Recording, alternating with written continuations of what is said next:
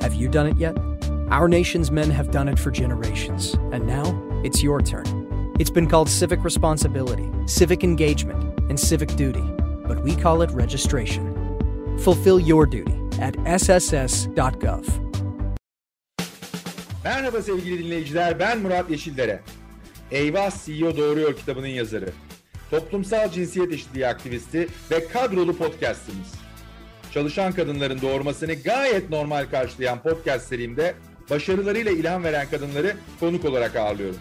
Şimdi sıkı durun. Türkiye'nin ilk %100 cinsiyet eşitliği garantili podcastinin bu haftaki konuğu Hacer Fogo.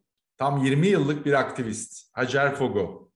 Bugün özellikle pandemi döneminde derin yoksulluk dayanışma ağını kuran Hacer Hanım'la birlikteyiz. Hoş geldiniz podcastimize. Hoş bulduk. Teşekkür ederim.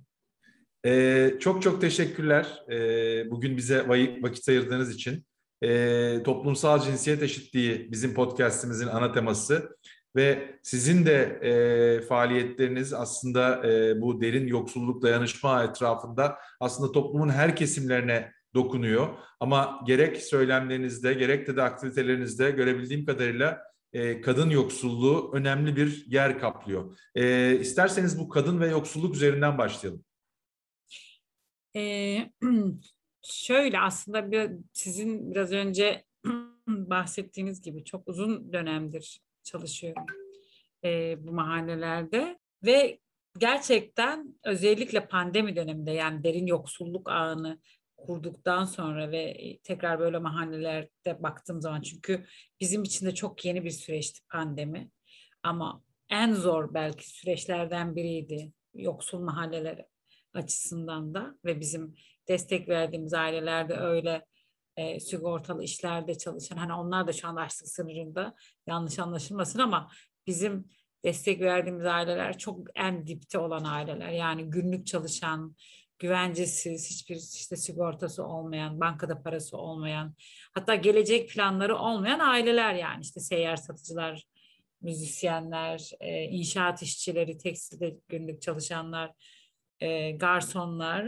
E, o yüzden e, bu insanların kapanma süreci belki hepimizden çok daha ağır oldu. Hiç o gün. Burada belki e, sözünüzü bir an kesip evet, buyurun. dinleyicilerimiz aslında tabii, tabii. E, birazcık daha e, iyi hissetsinler diye sizin bir tespitiniz var. E, doğru söylüyorsam eğer derin yoksulluk kavramını çocuklara bırakılacak tek şey yoksulluk olan bir kesim evet, olarak evet. tanımlıyorsunuz değil mi? Evet, çocuklara e, bırakılan mirasında yoksulluk olduğu, devredilen e, yoksulluk aslında nesiller arası yoksulluk dediğimiz şey. E, bu tam da bizim böyle destek verdiğimiz aileler ve kaç aile var şu anda sizin? Yani sizin şöyle pandemiden e, bugüne kadar 3000'den fazla aileye destek verdik ama e, şu anda hepsine düzenli destek vermemiz mümkün değil. Yapamıyoruz zaten de. Çünkü hepimiz yoksullaştık. Aslında herkes Doğru. yoksullaştı. Bize destek veren insanlar da aslında bir basamak aşağıya indi. o yüzden hani düzenli destek verdiğimiz ailelerin sayısı da düştü e, bu nedenle. Ama dediğim gibi pandemi ve şu anda ekonomik krizin yükselmesi e, ile birlikte aslında en şey bu işin hani e, yükünü e, kaldıran da kadınlar gerçekten. Yani e, niye baştan böyle bir açıklama yaptım? Çünkü bu kadınların hayatı aslında işte evde işte kağıt topluyorsa ya da ya ne bileyim işte gündelik işte temizliğe gidiyorsa onu da yapamadıkları bir süreç başladı. Çünkü kağıt toplayıcılığı da yasaklandı biliyorsunuz.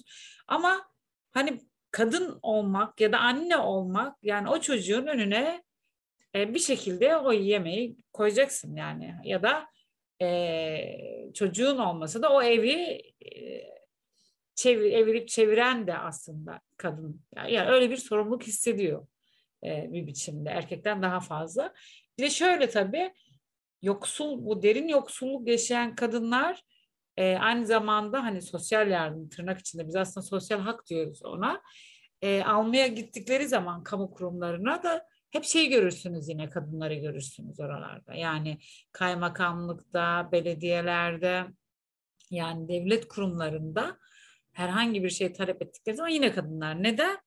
Çünkü orada işte e, bugün git, e, yarın gel, işte niye durmadan geliyorsun, bir daha gelme denildiği zaman bile hani tekrar işte giden, işte susan, bir şekilde orada ona sabretmeye çalışan, işte o yüzden erkeğin ya da eşini göndermediği, işte orada bir öfke ya da başka bir şey olursa işte orada alacağı şeyi alamama ihtimali e, ni bile düşünerek aslında o, e, gidiyor kadınlar. Niye? Çünkü bu da aslında bir strateji. Yani özellikle ekonomik kriz gibi dönemlerde kadınlar böyle geçimlerini sağlamak için geçim stratejisi dediğimiz bunu yüklenenler de e, kadınlar oluyor ve pandemide hani işte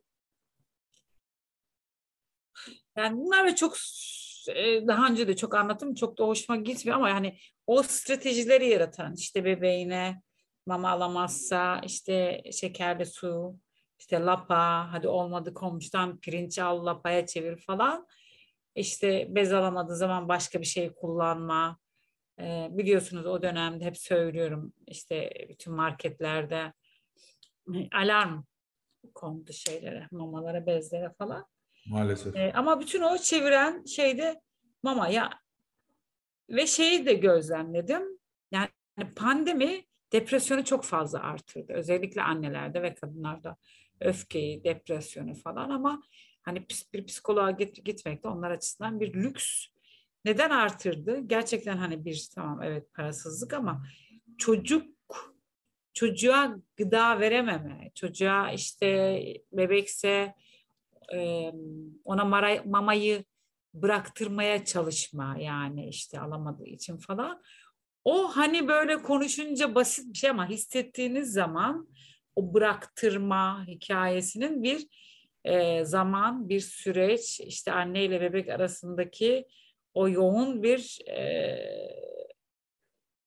başka bir hikaye olduğunu görüyorsunuz. O yüzden de çok zor e, zamanlardı. Şimdi de zor, şimdi de aynı e, gıdaya erişmekte çok zorluk çekiyorlar. Sürekli böyle öğün atlıyorlar.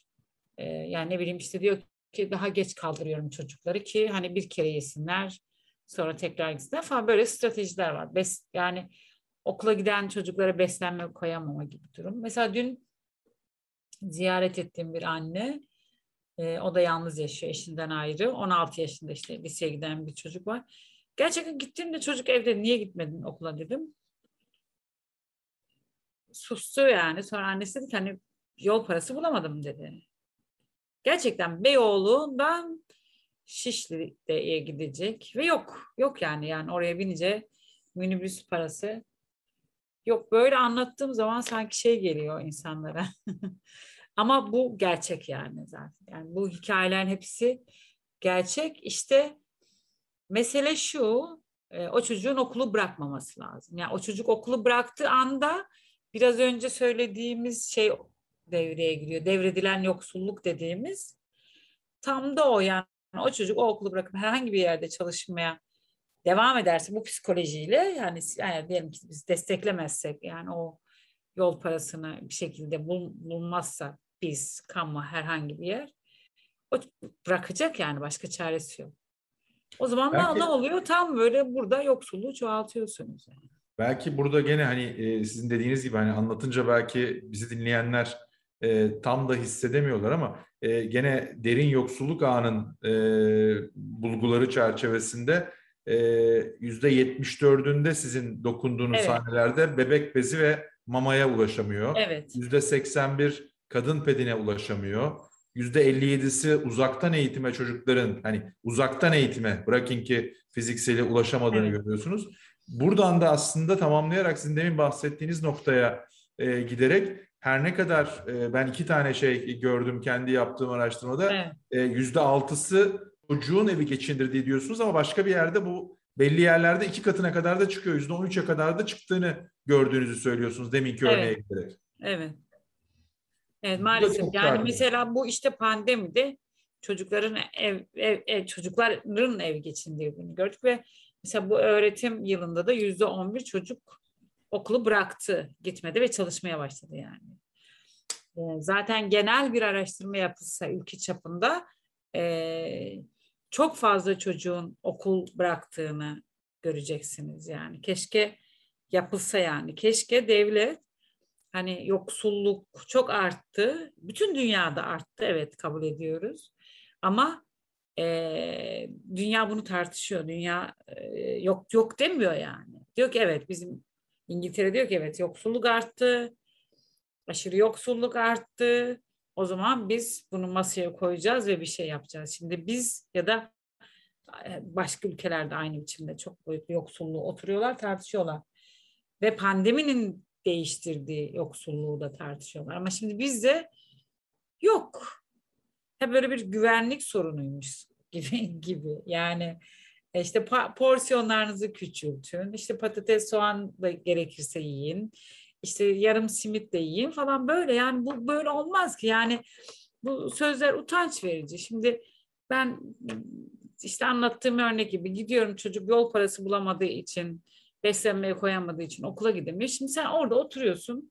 Oturduğun yerde gerekirse bilmem ne yesen ne olacak yemesen ne olacak? Yani niye bunu söylüyorsun? Bu karşıdaki insan bu çocuk seni dinlediği zaman e, nasıl bir nasıl ne hissedecekse yani e, sizin böyle konuşmalarınızdan. O yüzden hani yani ben utanıyorum böyle konuştukları zaman. Gerçekten. Söylediğiniz aslında bir anlamda hani e, hani utanmak bir, bir boyutu ama öteki taraftan da toplum içindeki o polarizasyonu da e, giderek artıyor, arttırıyor diye düşünüyorum. Yani hani Tabii bunu öfkeyi arttırıyor yani. Büyüyen çocuklar, aileler. Benim çocuğum aç kalacak. Bana orada televizyonda diyeceksin ki işte porsiyonu küçük. Yok ki. Olmayan porsiyonu nesini küç küçülsün? Yani bu kötü bir şey. Gerçekten hani hani bu kadar olamaz. Bu kadar bilmeme durumunu olamaz yani. Yani yapılacak şey oturup ya ne yapabiliriz işte bu e, bu konuda diye işte belediyelerle, kamuyla, sivil toplumla oturup bunun çaresine bakmak gerekiyor. Yani böyle konuştuğunuz zaman bitmiyor ki keşke bitse yani yok deyince. Ee, o yüzden hani çocuk evet çocukların çalışma oranı aslında çok e, şey arttı e, bu dönemde ve artmaya da devam ediyor. Biraz önce aslında verdiğim örnek gibi böyle çok böyle hani ne derler e, şey uç, uçta çocuklar var. Yani her an okulu bırakıp çalışmaya e, başlayabilir. Tam da bu krizle ilgili ev geçindirmeye başlayabilir. E, ve burada da gerçekten hani hep böyle şey e, kadınlar e, önde. Yani işte bir, de, dediğim ben bir, bir şekilde o kiranın ödenmesi için de işte eve yiyecek gelmesi için de çırpınan, edinen e, şey e, kadınlar oldu yani. Ama şöyle hani e, ben mesela kadın dernekleriyle de böyle bazen toplantı yaptım konuştuğum zaman kadın yoksulluğunun daha fazla tartışılması gerektiğini düşünüyorum. Kadın derneklerinin bu konuyu çok daha fazla tartışması ge- gerektiğini düşünüyorum. E, çünkü yoksul bir kadın aynı zamanda şiddet gören bir kadının e, hemencecik o evi bırakıp terk edip işte sığınma evi ya da başka bir derneği bulma olasılığı e, daha orta halliden çok daha düşük aslında yani. Mesela bizim destek verdiğimiz halde çok fazla okuma yazma bilmeyen e, anne var ya da kadın var. İnanılmaz yani inanılmaz boyutlarda bu. E, zaten internet e, bir, bir sürede ya da akıllı telefon yok. Bir de gerçekten katlanıyor mesela diyelim şiddet görüyorsa da katlanıyor ve Hani ben mesela böyle bir e, şey tanıyorum. Çok böyle yıllar sonra artık canına tak ettiği için annesine gidiyor ama annesi de zaten o derin yoksulluk yaşıyor yaş, e, yaşayan bir, bir durumda. Yani o yüzden hani gerçekten e, biraz böyle kadın derneklerinin, kadın hakları savunucularının bu konuya e, başka türlü bakması gerekiyor e, diye düşünüyorum. Bir de mesela diyelim ki yine yalnız bir kadının işte şu anda çok fazla kirasını ödeyemeyen bir sürü e, aile var. İşte yalnız kadınların yoksulluğu daha fazla tabii ki. Mesela birdenbire diyelim sokakta kaldığı zaman mesela gidecek bir yeri yok. Belediyeye telefon açtığı zaman diyelim ki barınma merkezleri var ya da diyelim ki kaymakamlığı e, açtığı zaman ama sizin çocuklarınız var ayrı ayrı yerlerde. Yani çocuklarıyla birlikte kadınların gidebileceği e, bir yer yok mesela. Yani onlar ya işte akrabalarına gidecek orada da bir süre kalacak ya başka bir şey olacak ya çocuk işte evden çıkacak başka bir şeye e, çevrilecek falan. Böyle yani. Bunlar da hepsi aslında kısa vadeli çözümler ve aileyi bir anlamda parçalayan tabii, e, ayıran, e, çözümler. E, evet. Burada önemli bir tespitiniz var.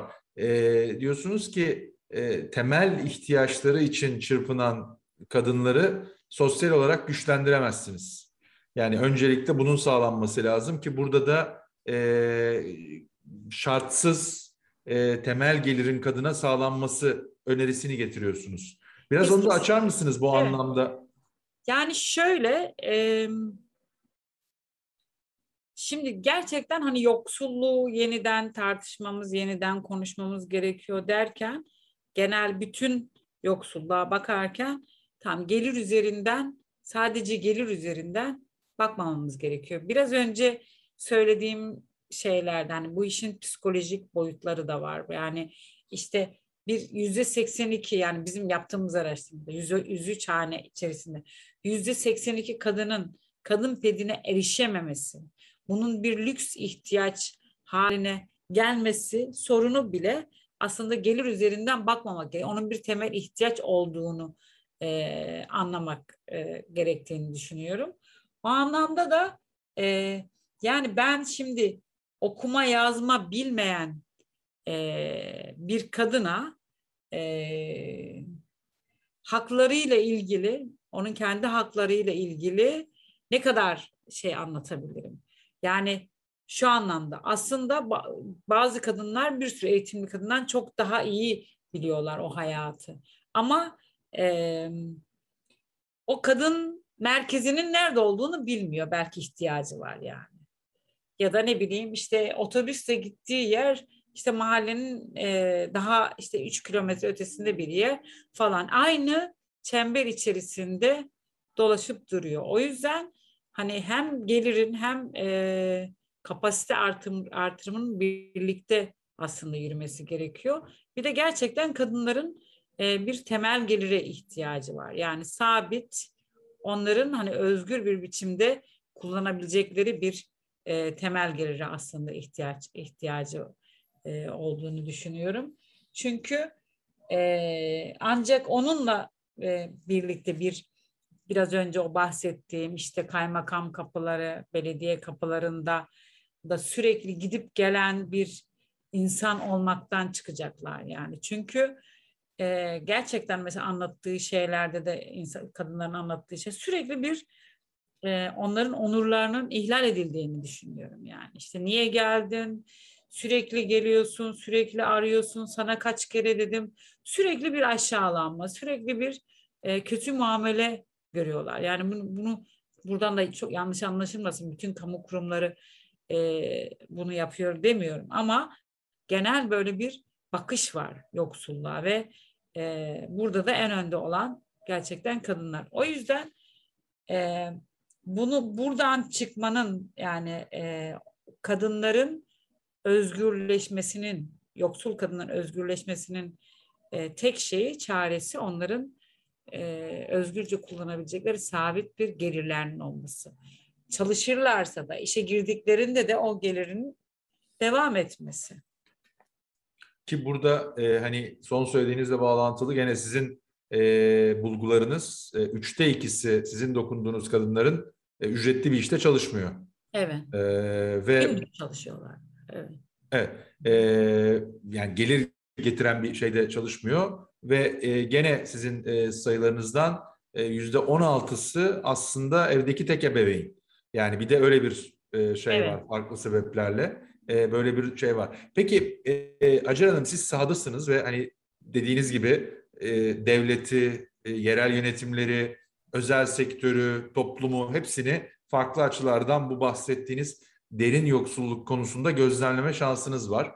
Ee, hani benim e, sizin kadar gözlem yapma ve de, deneyimleme şansım yok ama hani şöyle bir tespit yapıyorum. E, devletle ilgili konular e, daha uzun e, zaman içinde e, hayata geçirilebilecek konular farklı e, bürokratik veya kaynakla ilgili e, şeyler sebebiyle. Hani bunu kabul ettiğim için söylemiyorum ama gerçekçi, pragmatik düşünürsek diye söylüyorum. E, siz bunu e, bir halkı içinde dayanışmaya dayalı olarak çözmek ve destek sağlamak üzere bir ağ kurdunuz. Bu anlamda bakıldığında bu ağın genişlemesi midir sizin kendinize çizdiğiniz yol yoksa devletin haricinde farklı bir işbirliği yapısı platformu da öneriniz olabilir mi? Şöyle yani hani benim şimdi bir dayanışma ağı ya da dayanışma ağları e, aslında bir model üretir ya da sivil toplum örgü, örgütü. Yani ben mesela sizin görmediğiniz bir hikayeyi size anlatırım. Siz de bana benim bilmediğim bir hikaye anlatabilirsiniz ve aslında birbirimizden hani öyle ö, hikayeyi aslında öğreniriz ve belki işte bakışımız değişir. Bizim yaptığımız bu. Ben mesela diyorum ki size ben sahada işte bir yalnız anne çocuk evden çıkartıldı bir de orada o kadar böyle vahşice çıkartıyorlar ki alıyor koltuğunu dışarı koyuyor yani git diyor yani ödemediği zaman. Şimdi bu bu annenin gideceği bir yer yok diyorum ki böyle bir model ol, olabilir. Yalnız anneler ve çocukları için sığınma evleri dışında illa şiddet görmeleri gerekmiyor. Başka bir e, sosyal konutlar gerekiyor diyorum ben mesela şimdi. Sahada gördüğüm bir şeyi söylüyorum. Şimdi bunu biz yapamayız. Bizim böyle bir gücümüz yok yani. E, ama sivil toplumun işi bu. Yani o yüzden hani yerel yönetimlerin, kamunun çok daha sıkı çalışması gerekiyor bence. Ama maalesef şöyle oluyor genellikle. Bana şimdi kızarlar ama e, hepsi için demiyorum. Şöyle oluyor yani mesela işte Zoom toplantıları oluyor. İşte ne bileyim konferanslar oluyor. İşte ben gidiyorum yoksulluk anlatıyorum. Siz gidiyorsunuz ekonomi anlatıyorsunuz. Başka biri bilmem ne oluyor. Diyorlar ki işte 30 tane sivil toplum örgütü katıldı. E sonra ne oldu sonra? Yani birazcık uygulamaya bakmak lazım. Şimdi ben mesela böyle bir öneri sundum. Ben bu öneriyi eğer orada belediye başkanı ya da bir siyasi parti işte genel başkanı aa çok iyi bir öneri dediği zaman ben takip etmek istiyorum yani yaptı mı yapmadı mı niye yapmadı bu bir gerekçesi nedir ee, işte ben, işte diyelim ki ben bir kadın derneği ise o işin içerisinde olmak isterim yürümek isterim birlikte falan maalesef Türkiye'de hani kamu ve sivil toplum ilişkisi çok gelişmiş değil. Yani birazcık şöyle gelsinler konuşsunlar işte ne bileyim azınlık da olsun, Kürt de olsun, o da olsun, bu da olsun renkler. Sonra o renkler dağılsın. O yüzden e, birazcık uygulamaya bakmamız lazım ve bence işte o anlamda da partilerin, yerel yönetimlerin sivil toplum örgütleri tarafından ya da yurttaş tarafından sürekli denetim altına alınması gerekiyor. Yani bu paraya harcadın, nereye harcadın? Böyle bir şeye söz verdin, ne yaptın? İşte diyelim ki her yerel yönetimin bir stratejik planı var değil mi? Her işte kazandıkları zaman açıklıyorlar, çalışıyorlar. Diyor ki kadınlar için şunu yapacağız, çocuklar için bunu yapacağız. Şimdi biz bunu takip etmezsek sor, soramayız yani hesap. Maalesef e, böyle bir denetimsizliğin olduğunu düşünüyorum. O yüzden hani bu koalisyonun mesela hani bu anlamda şimdiden e, hesap verebilir ileride. Şeffaf hem kadınlar hem çocuklar konusunda. E, bunun için de gerçekten aktif yurttaşlık kavramının gelişmesi, bunu kadınlar açısından da sivil toplum e, örgütleri açısından da bunu konuşmamız, tartışmamız gerekiyor. Yoksa hep karanlık, hep karanlık diyeceğim yani. E, çok önemli bir şey söylüyorsunuz aslında çünkü gene hani e, farklı e, beyanlarınızda da onu gördüm. Bugün de onu tekrarladınız. Aslında konu bir hani kim iktidarda kim muhalefette konusu değil. Hani bütün siyasi partilerin bu konuyu öncelik olarak tanımlaması lazım. E, e tabii yani şunu söyleyeyim. Şimdi işte yurtlar, cemaatler, şunlar, bunlar falan. Ya bu, bu, bu bütün bunlar olurken bir sürü sivil toplum örgütü, bir sürü parti, e, vakıf seyrettik biz. Yani o yüzden bir şeyi eleştirmek için önce bir hepimizin e, hiç e, yüzleşmemiz gerekiyor. Yani. yani o çocuklar kendi istekleriyle giden çocuklar da var ya da anneler de gönderiyor. Yani hiç kimseye bir şey demiyorum yanlış anlamayın. Ama ben çok tanık oldum ki orada yemek yesin diye çocuklar gönderi. Alternatif bir şey yok. Yani e, işte ısınsın diye gönderilen çocuklar. Yani ama biz orada başka bir şey diyorduk o zaman yoksullara değil mi? O mahallelerde yoktuk ya da o mahallelerde çocuklarla, kadınlarla konuşmadık. O yüzden e, şimdi oturup bütün bunları yani her şeyle herkesle her olay sonucunda ben mesela kendimle yüzleşiyorum. Yani işte Enes intihar ettiği zaman, öbür çocuk intihar ettiği zaman ya da herhangi bir inşaattan işçi düştüğü zaman hani ben bireysel olarak diyorum ki ya ben işte sivil toplum örgütü ya ben bu konuda ne yaptım? Ne düşündüm? Bir şey yapabildim mi? Yapamadım mı? Yani bir, bir yurttaşım ben sonuçta. Yani o yüzden bütün kurumların bence yüzleşmesi ve bütün o son, sonrasında da işte kadınlarla ilgili demek ki şu yapılması gerekiyormuş. Yani yoksul kadın cinayetlerine bakın çoğu e, hani böyle bir araştırma yapıldı mı bilmiyorum ama bakın yoksul kadınlardır çoğu öldürülen gece konularda orada burada sokakta. Yani demek ki bizim daha fazla kadın yoksulluğu çalışmamız gerekiyor. Demek ki bu kadınların o mahallede bazı merkezlere daha ulaşılabilir e, merkezler olması gerekiyor etraflarında yani. E, ve onları bilmiyorlarsa burada bizim kendimize bir dönmemiz gerekiyor. Niye bu kadın e, böyle bir merkezin olduğunu bilmiyor ya da böyle bir telefon numarasını bilmiyor ve bunun için ne yapmamız gerekiyor diye düşünmemiz gerekiyor. Yoksa hani bu bütün bunlar devam edecek yani. Peki e, eğer varsa bu anlamda bu son söylediğinizle ilgili e, iyi uygulama sizin gene sahadaki tecrübelerinizden bakarak paylaşabileceğiniz örnek var mıdır? Hani yerel yönetim ya da e, farklı inisiyatiflerle bu anlamda oluşturulmuş? Yani şöyle tabii ki yani e, bir sürü kadın mesela işte sığınma İBB'nin yaptığı Büyükşehir Belediyesi'nin yaptığı sığınma merkezleri e, var. İşte Canan Hanım'ın size anlattığı o şiddet e, telefonları var falan. Bunların hepsi bence çok önemli. Ama ben daha fazla istiyorum. Ee, bir de bunlar yani bunlar çok önemli yani şu ama an, bunlar ya şu, ekonomik şu şeyi çözmüyor aslında. Tabii şunun için söylüyorum. Benim söylediğim şey şu yani şimdi ben bir mahalleye gittiğim zaman bir yoksul mahalleye gittiğim zaman İstanbul'un herhangi bir semtinde eğer o mahallede kreş yoksa yani ama yani şöyle mahallenin ortasında istiyorum ben her şeyi. Orada kreş yoksa, orada çocukların okul sonrası gidip ders çalışabilecekleri, yemeklerini yiyebilecekleri bir merkez yoksa, abilerin, ablaların çünkü biz böyle bir merkez kurmuştuk ve çok başarılı olmuştu. Bir merkez yoksa, kadınların mesela hemen yoksul kadınlarla ilgili ben bir şey yazıyorum. Çocuk işte kaç tane çocukları var çocukları doğurmasına falan diyorlar ya bu, bu kadınların hemen ulaşabilecekleri e, işte aile planlaması ile ilgili bir yer yoksa yani hemen ama böyle ulaşılabilir yerlerden söz ediyorum. Yürüyerek gidebilecekleri yerler. Yürüyerek gidebilecekleri sosyal etkinlik merkezleri başarılı olamazsınız.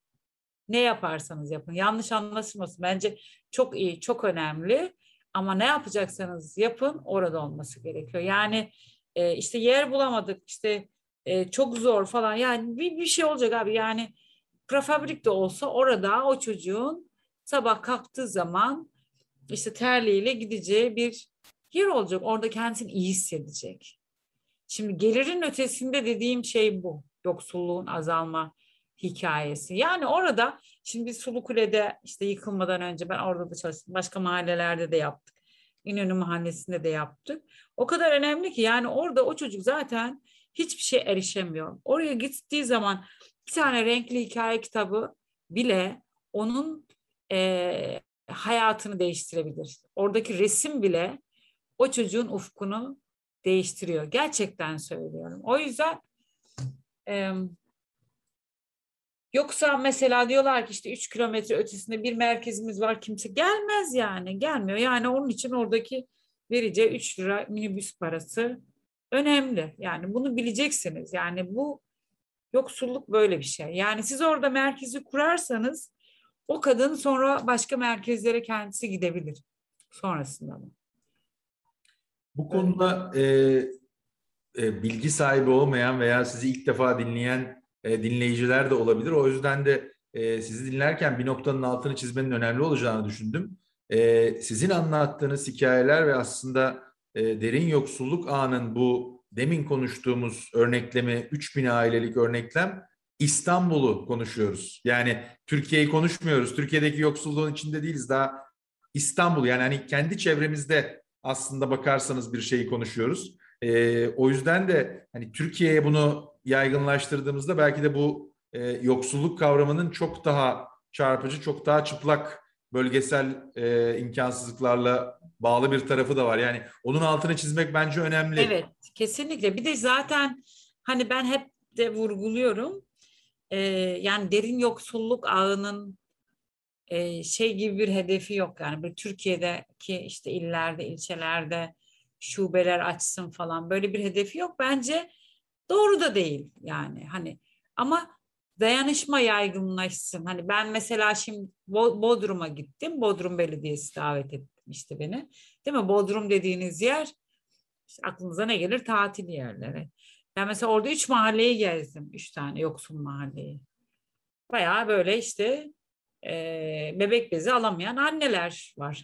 Evler var yani or- orada da. Yani Bodrum'un işte arka mahalleleri diyeyim. Yani yoksulluk her yerde o anlamda. O yüzden Mesela orada bir şey e, yavaş yavaş bir şeyler kurulmuyor ve o dayanışma ağı belediyenin de desteğiyle başladılar mesela çalışmalara oradaki aile ailelerle birlikte çalışmaya. Yani yapılması gereken bu. Mesela işte biz gidip her yere anlatabiliriz. Ama biz orada değiliz. Orada zaten vardır bu işe gönüllü bir ekip. Onların çalışması ve dayanışmanın yaygınlaştırılması gerekiyor ki insanlar kendilerini iyi hissetsinler. Yani insanların gerçekten bir umuda, bir ışığa ihtiyacı var.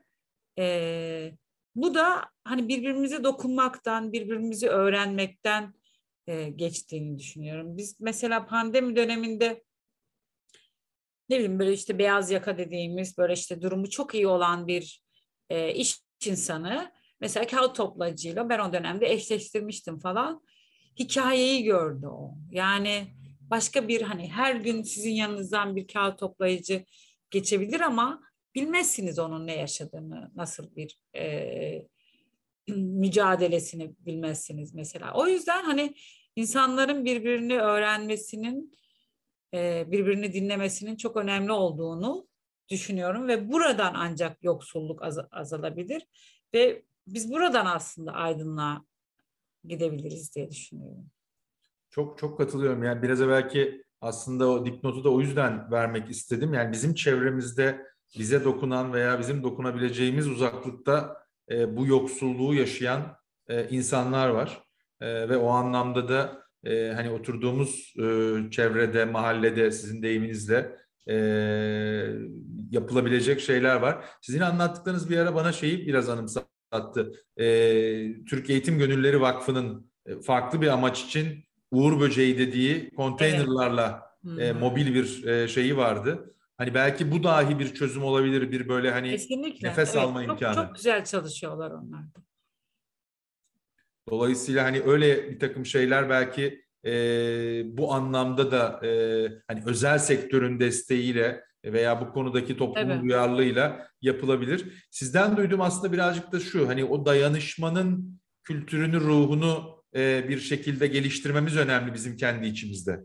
Kesinlikle yani işte Yunanistan böyle kurtuldu aslında ekonomik krizden aynı zamanda. Yani dayanışma ağları, dayanışmanın yaygınlaşmasıyla birlikte.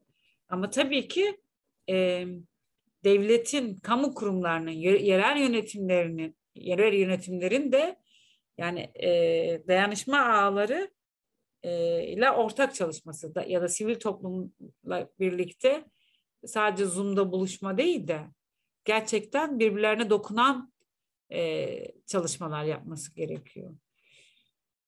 Çünkü şöyle yani insanların bir konuyu bilmediğini de kabul etmesi gerekiyor. Bizde böyle bir hastalık var mesela. Şimdi ben diyorum ki işte her konuyu bilirim Murat Bey bana her konuda sorun ya böyle bir şey yok yani. İşte ben diyorum ki ben yoksulluğu iyi biliyorum ama yoksulluğun ölçümünü çok boyutlu ölçümünü e, siz daha iyi yapabilirsiniz yani. Çünkü hani bu, bu bunu bunu da hesaplıyor şimdi dünya. Bununla ilgili işte okullar, eğitimler falan var ama benim gördüğüm yanında siz göremezsiniz. O yüzden hani bunu kamuyla sivil toplum da tam da böyle. Bazen hani kamu kurumlarında yani işte diyelim ki Canan Güllü bu konuda çok iyiyse demek ki kadınlarla ilgili çalışmalarda birlikte daha nasıl yürürüz demesi lazım. Kamunun ki diyorlar yani. Ya da yoksullukla ilgili işte derin yoksulluk ağı, ahbap, ihtiyaç haritası daha fazla belki de birlikte çalışması lazım kamunun. Ancak böyle hani bu işin içerisinden e, sıyrılabiliriz ve yani hani yurt dışında e, çok yani sivil toplum inanılmaz çalışıyor yani devletle beraber. Ben mesela İspanya'da e, Citanos diye bir romanlarla da ben uzun zaman çalıştığım için Citanos diye bir örgütün çalışmasına gitmiştim orada ziyarete. Mesela devlet romanlarla ilgili yapılacak bütün çalışmaları onlara bırakmış. Yani çok koordinalı çalışıyorlar. Yani ev dahi yapıyorlar yani. E, sosyal konut yani diyelim çok kötü koşullarda yaşıyorlar bir mahallede. İki sene orada veri çalışması, fizibilite bilmem nesi falan ama bir taraftan inşaat sürüyor ve yani o uyum sürecini bile mesela o sivil toplum örgütü e, götürmüş falan ve sonuçta çok başarılı oluyor yani proje ve 160 yerde falan örgütlülerdi. Yani hani e, o, o anlamda da sivil toplumun çok önemli olduğunu düşünüyorum. E, ben biraz evvel sizin söylediklerinizden aslında birazcık da o dayanışmanın yerelde de olması gereğini e, hissetmiştim, duymuştum. Evet. E, ama hani son söylediğinizde de e, bir e, daha büyük bir makro plan veya bir eş güdümün sağlanmasının uzun vadede bunun kalıcılığını arttıracağını da söylüyorsunuz ve mesela İspanya, Yunanistan örneklerini veriyorsunuz uluslararasında e, benzer şeylerde farklı yaklaşım getiren. Evet, kesinlikle öyle. Bir de gerçekten hani ya çok değerli insanlar var bizim memleketimizde. Ee, şimdi mesela ben işte Aslan Hoca ile Aslan Aykaş Dayanışma Ekonomileri diye bir kitabı var hocanın. Tesadüf tanıştım işte bu işlerle ilgilendiğim için. işte kooperatifler dayanışma ekonomisi nasıl oluyor diye. Şimdi ben olsam bir belediyenin yerinde ya da bir kamu kurumu o hocanın peşini bırakmam mesela. Yani işte bunun ilmini yapmış dayanışma ekonomisi, kooperatif diyor. Yani ne yapabiliriz? İşte sen de krizin ortasındasın. Bu anlamda söylüyorum. Yani her o kadar yani mesela işte iklim kriziyle çalışan gencecik çocuklar var. Yani inanılmaz hani e, şey yani yurt dışını takip ediyorlar. Ne oluyor, ne bitiyor falan filan. Yani otur mesela o çocuklarla, gençlerle daha yakın e, çalış. Ya da ne bileyim iklim krizi deyince aklına sadece çevrenin dışında işte yoksullar, Dünya Bankası diyor ki işte 250 bin ekstra ölüm olacak ve bu insanlar da en yoksullar olacak. O zaman hani aşırı yoksulluk ve iklim krizi o zaman gel derin yoksulluk anı hani birlikte ne yapabiliriz? Çünkü mesela en diptekilere bu yurt dışında da e, öyle. Birleşmiş Milletler'in raporunu da okuduğunuzda da öyle. Ulaşamıyorlar yani. Oralarda çalışamıyorlar. Yani işte en kırılgan, en dipteki insanlarla. Şimdi eğer bu ülkede böyle çalışan gruplar, sivil toplum örgütleri varsa daha yakın çalışmak gerekiyor. Yani ancak böyle azalabilir. Yoksa bu devredilen yoksulluk e, çok zor mesela onların bir basamak yukarı çıkması. Bu hani e, bir sürü akademik raporu okuyun çok zor yani bu grupların e, yoksulluğunu azaltmak. Şimdi o anlamda mesela derin yoksulluk anı çalışmaları e, çok önemli ve e, çalışan ekibin hepsi de genç. Başkanımız da bir genç. E, yani bu çocukların hepsi böyle 20'li yaşlarda ve çok ağır e, vakalarla aslında çalışıyorlar. Yani hani çok trajik hikayelerle karşı karşıyalar. Ama benim için hani mucize yani gençlerin bu alanda olması, bu alanda çalışması aynı zamanda. E, ve çoğu da kadın, onu da söyleyeyim. Bunu bunu duymak çok güzel. Hani e, kadın olmaları da genç olmaları da ve evet. bu duyarlılıkla e, böyle bir e, dirayetle e, çalışıyor olmaları e, ne mutlu. Demek ki o anlamda umut verici bir e, nesil de e, arkadan geliyor. Evet. E, belki bu yaptıklarınızı daha da ileriye taşıyacak. E, daha ziyade temel ihtiyaçları ve bunun hani bu yoksulluğun giderilmesini konuşuyoruz ama siz aynı zamanda e, Aşako Fellow yani sosyal girişimcilik konusunda da e, önemli bir network'ün de tanıdığı, bildiği ve bu anlamda da e, ödüllendirdiği e, bir e, isimsiniz. E, sosyal girişimcilik kavramı bu konuştuğumuz derin yoksullukla yerlerde kesişir mi? Çözümün parçası mıdır? Öyle, Yoksa o, daha zaman mı var oraya? Yok o zaman da ben işte 2015 yılında almıştım o ödülü de. Şöyle işte ben o zaman çok daha yoğun romanlarla çalışıyordum. E, daha doğrusu Sulukule Mahallesi'nde kentsel dönüşüm başladığı zaman işte ilk kentsel dönüşüm kavramının da e, yeni işte hepimizin de öğrendiği yıldı 2006 yılında. O mahallede ben aktivist olarak çalışırken aslında çocukların yoksulluğunu aslında orada gördüm. Yani işte çocukların okul sonrası gelip falan. Ee, yine küçük Bakkalköy ve şeyde Kağıthane'de ve gördüğüm şey okul devamsızlığı ve okul terkiydi. Ee, sonra Türkiye'nin başka mahallelerinde de gördüm. Ve şey düşündüm yani bu öğretmenlerle konuştum, okulla konuştum, aileyle konuştum, işte milli eğitimle konuştum falan. Çocuklarla da tabii konuştum. Ve dedim ki yani biraz önce size bahsettim. Yani e, işte bilmem işte diyor ki mesela kaymakam işte şurada bir merkez var. Oraya gidip işte gelip oradan destek almıyorlar. Şurada bilmem ne var falan. Biraz önce söylediğim şey yani mahallede o çocukların ulaşabileceği yerler kurmak. Ve biz bunu Sulukule'de yaptık o yıkım süresinde. Yarı yıkık binalarda başladık çocuklarla çalışmaya. Ve gördük ki çocuklar sabahın yedisinde kalkıyorlar falan ve o merkezlerin önünde bekliyorlar yani. Sonra Sulukule'de mesela bizim yine Funda Oral arkadaşımız o şeyi devam ettirdi ve bilirsiniz belki Tahribat İsyan'a diye bir grup var. Oradan çıktı mesela işte. Ee, sonrasında biz mesela İnönü Mahallesi'nde işte Çimenev Merkezi'ni kurduk. Yine orada da bu çocuklar işte bunlardan bir şey olmaz öğrenme güçlüğü çeken bilmem ne falan çocuklar. Oradaki çocuklar da mesela 4-5 yılın sonunda Anadolu Lisesi'ni kazandılar. Üniversiteyi kazanan e, çocuklar oldu. bu anlamda mesela işte o dönemde de yani sosyal girişim dediğimiz şey aslında bu. Yani e, burada önemli olan şu Hacer'in fikri değil ya da Murat Bey'in fikri değil. Orada yaşayan insanın fikrini e, iyi dinlememiz gerekiyor. Yani onlar zaten size o insanların hepsi aslında bir sosyal girişimci aslında. E, biz kendi fikrimizden daha çok onları dinlediğimiz zaman o zaman hani işte ben diyorum ki ben yeri yapayım siz de fikriniz buysa siz de gelin o zaman buraya diyorum. Yani sosyal girişim dediğimiz şey bu yani. Yani ben ne bileyim e, Ümraniye'ye gittiğim zaman, Zehra'yı ziyaret ettiğim zaman Zehra bana dünya kadar fikir söylüyor yani. Ama Zehra onu hayata geçiremiyor. Ben de onun hayata geçirmesine için dayanışıyorum yani. Mesela bu diye düşünüyorum. Tam da bu noktada aslında bugünkü süremizin de yavaş yavaş sonuna gelirken e, bizi dinleyenler açısından e, bu derin dayanışmayı derin yoksulluktaki dayanışmayı ileriye doğru taşımak açısından e, böyle bir şeyin parçası olmak, destek vermek veya o dayanışmaya dahil olmak isteyenler ne yapabilirler? Nasıl bir e, öneriniz olur onlara? Size ulaşmaları ya da bu dayanışmaya e, evet. bir şekilde dahil olmaları için? Şöyle derin yoksulluk ağ.org diye bir web sitemiz var.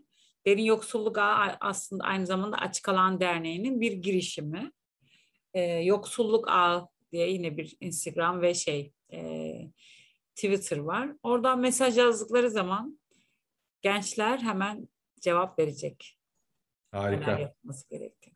Ee, Hacer Fogo gönlünüze sağlık. Ee, iyi ki varsınız. Ee, belki içimizi böyle şey yapan konular e, konuştuk bugün ama e, çok çok da önemli. Çünkü bu derin yoksulluğu biz aşamazsak aslında gitmek istediğimiz yolda yapmak istediklerimizi e, gerçekleştirmemiz mümkün değil ve sizin de ifade ettiğiniz gibi bu derin yoksulluk e, ötekileştirilecek bir konu değil. Toplumun içinde e, bir şekilde var olan e, bir konu ve çok kısa zaman içinde de bunun daha büyük olumsuz etkilerini yaşamamak adına da bir an önce ele alınması hem bireysel hem kamu hem sivil toplum işbirliğiyle de hem de yerel yönetimlerinde içinde olduğu bir çözümün oluşması gerekiyor. Çok çok teşekkür ediyorum. Ben teşekkür ederim. Çok sağ olun.